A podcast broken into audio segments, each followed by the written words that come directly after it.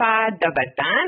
Ovdje sa nama je autor Aziz Tišo. Da li nam se možete predstaviti, reći nešto više o vama, vašim knjigama? Pa evo, ovaj, ja imam izuzetnu čast da, da radi ovo, kažem nekoliko riječi i nekoliko rečenica. Ja sam Tišo Aziz, magistar samobraćaja, autor deset knjiga, uglavnom su knjige koje govore o agresiji, genocidu, masovnim grobnicama, logorima smrti, o silovanjima, o našim borbama, gazijama, herojima. I mislim da su knjige ovaj, jako dobre i sad se nalazim, kao što sami vidite, na ovaj 34. međunarodnom sajmu knjiga u Sarajevu.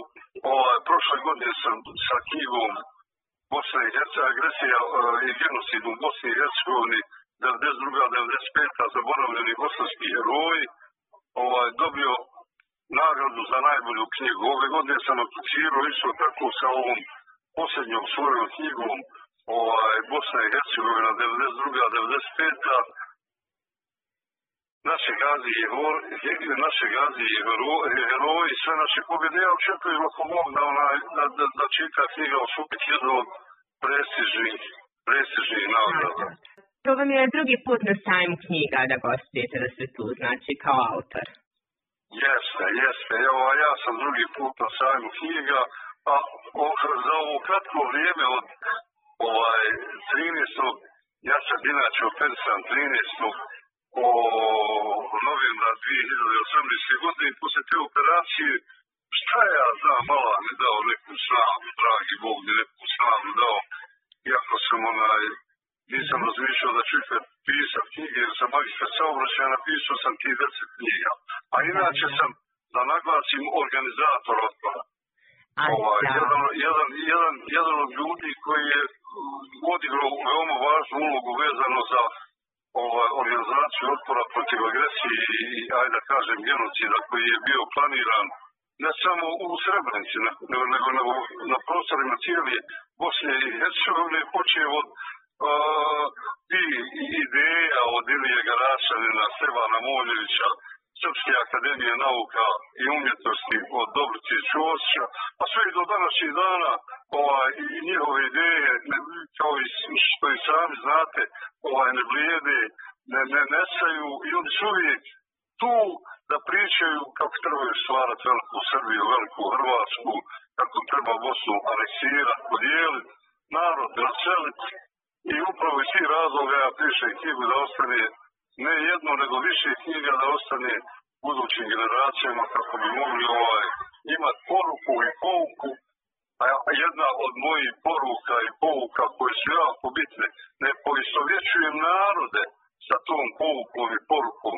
Zločincima, agresorima nikad ne treba vjerovati, zaboraviti i oprostiti, jer vjerovanje, zaborav i oprost vode nas u 12. genocid. Da. Obzirom da ste vi to sve preživjeli prošle i iz prve ruke možete nam reći, odnosno pisati u vašim knjigama i to je vrlo onako i korisno i zanimljivo i istina na kraju krajeva. Ja sam da. čovjek koji piše istinu i piše knjige o ovim stvarima o kojima smo pričali. Da, bitno je da se ostavi neki trag. A recite mi vaša autobiografska knjiga Kako sam pobjedio rak. A, da li nam možete reći nešto o njoj? Pa ja sam, mogu i o njoj reći, ja sam, kao što, što sam i, i naglasio, 13. novembra 2018. godine, put srećom nekom je otkriveno da imam ovaj e, karcinom.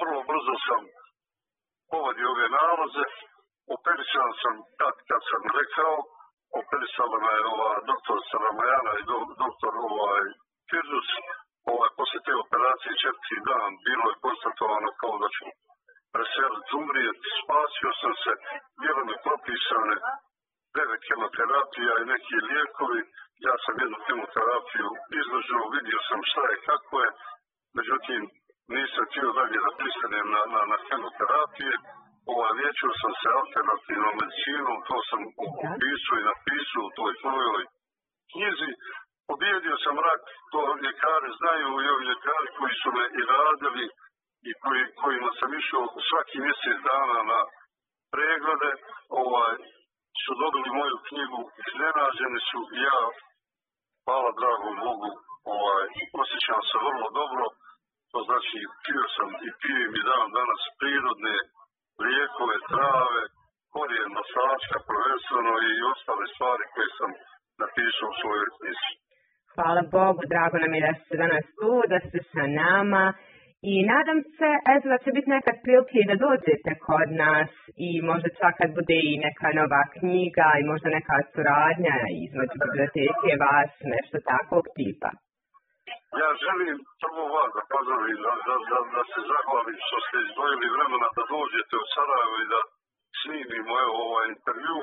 Onaj, a osim toga i da vas pozdravim i pozdravim sve vaše slušalce, zaželim puno zdravlja, uspjeha, sreće, pa prvenstveno zdravlja. Ja se nadam ako mogu da, da ću u narodnom periodu ovaj, pokušati sa nekim da dogovorim da imam promociju ovih svojih deset knjiga jednostavno da vi budete i prisutni ovaj, da mi pomognete vezano za ovaj, realizaciju tog projekta, da, da, da, da, da tako kažem. Baš. Hvala vam puno još jednom. Hvala i vama i puno pozdrava svima vama. Pa, dobar dan. Nalazimo se na sajmu knjiga. Zamolit ću vas da nam se predstavite. Dobar dan i vama, ja sam Aleksandra. Dobro. Ovdje smo na sajmu evo već dugi niz godina i Dobro. radujemo se svake godine što ćemo ovdje se družiti sa Sarajlijama. Nudimo veliki izbor knjiga, različitih žanrova, tako da ima svega za svačiji ukus. Znači, sviđa vam se ovdje kod nas? Da, mi smo iz Niša. Dobro.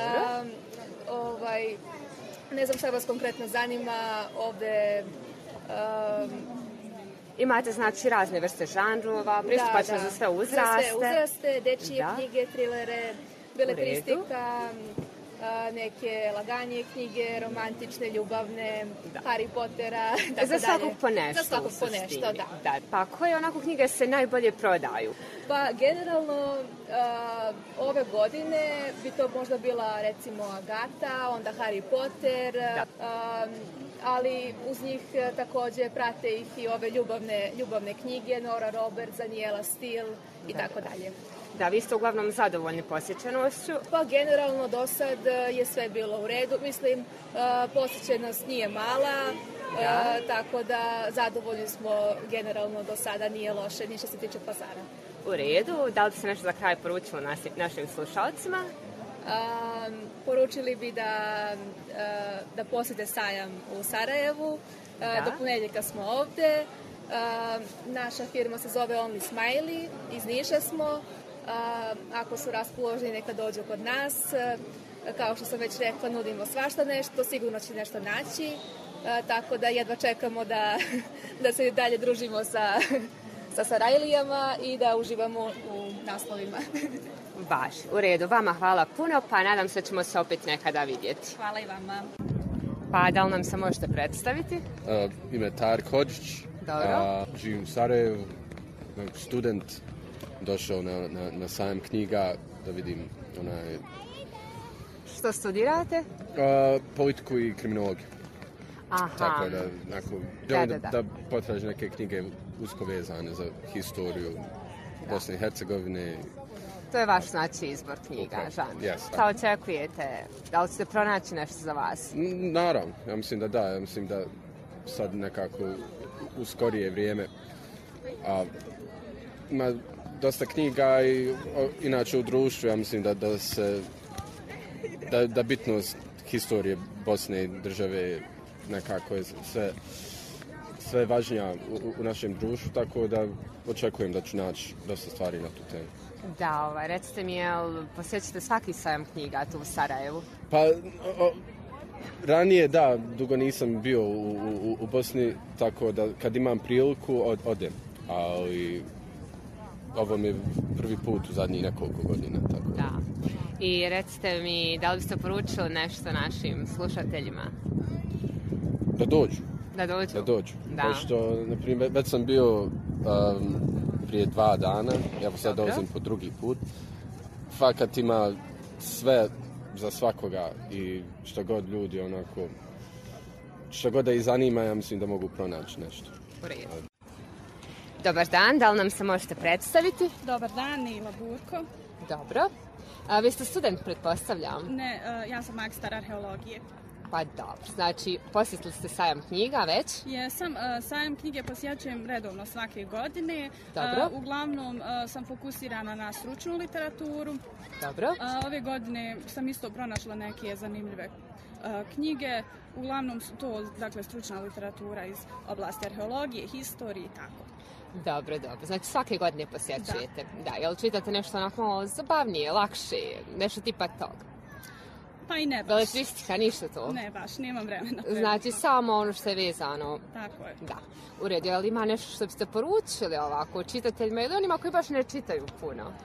E, mislim da na sajmu knjige svako može pronaći nešto za sebe i Dobro. e, da naravno e, svi trebaju da čitaju i to je to. u redu. Hvala vam puno. Hvala vama.